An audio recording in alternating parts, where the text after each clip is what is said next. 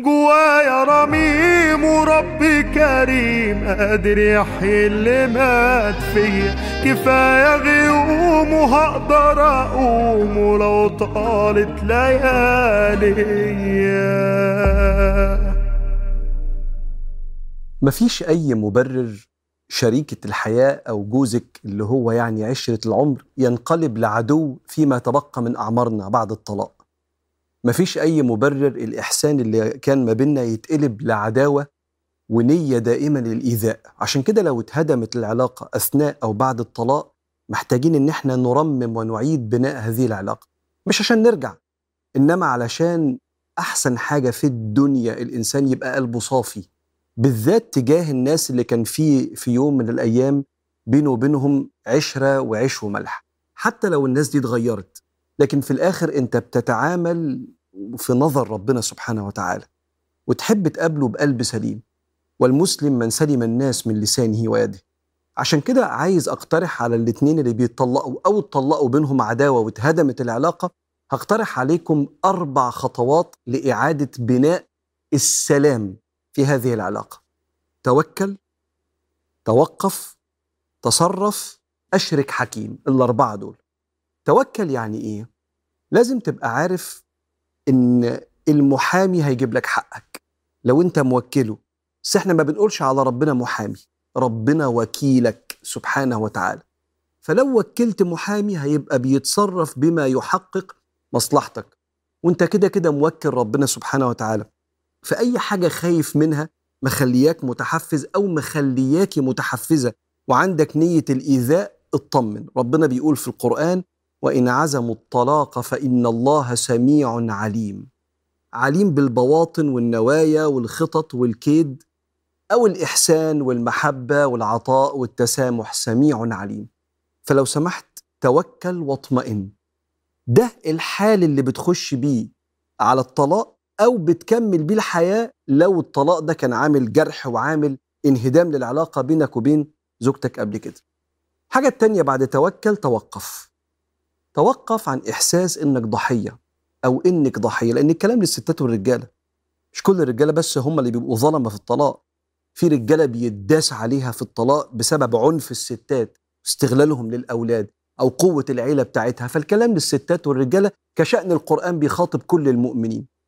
توقف عن إحساس الضحية لأن إحساس الضحية بيعمل عند البني آدم مرارة تديله إحساس كده إنه عايز ينتقم ويسترد حقه ربنا بيقول فإذا بلغن أجلهن فأمسكوهن بمعروف أو فارقوهن بمعروف. وأشهدوا ذوي عدل منكم دخل حد ما بينكم كده محترم وأقيموا الشهادة لله. ذلك يوعظ به من كان يؤمن بالله واليوم الآخر.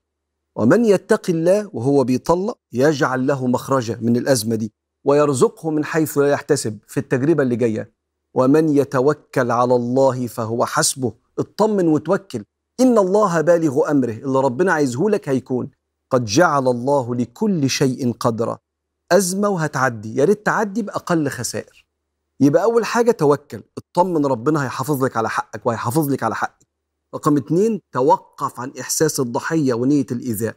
ثلاثة تصرف. تصرف إيه؟ طلق طلاق وإنت تطلقي طلاق يليق بأخلاقك. عند الفراق تظهر الأخلاق. وفي الخصومة بيبان معادن الناس. أحد الصالحين بيطلق مراته فواحد بيقول له أنت بتطلقها ليه؟ فقال ما كان لي أن أفشي سر امرأتي. فلما طلقها خلاص ما بقتش على ذمته قال له بقى أقول طلقتها ليه؟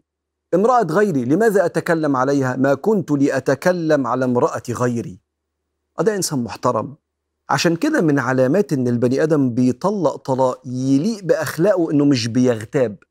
مش بيفضح طليقته أو هي مش بتفضح طليقها علشان كأن في نية كده إن أنا هبوظ لك مستقبلك. لو حد بيسأل عليك هيسمعوا مني كلام عشان محدش يرضى بيك. يبقى توكل توقف وطلق طلاق تصرف طلاق يليق بأخلاقك وأنت كمان اعملي كده. آخر حاجة علشان الخصومة تقل وعشان ما يبقاش في عداوة ونعيد بناء علاقة فيها سلام بعد الطلاق حتى لو مش هنتواصل. بس القلب ما يبقاش فيه وجع ولا نية للإيذاء. ربنا بيقول وإن خفتم شقاق بينهما فابعثوا حكما من أهله وحكما من أهلها. إن يريد إصلاحا يوفق الله بينهما. مش دايما الإصلاح إن إحنا نرجع لبعض ممكن الإصلاح إن إحنا ننفصل بإحسان من غير عداوة.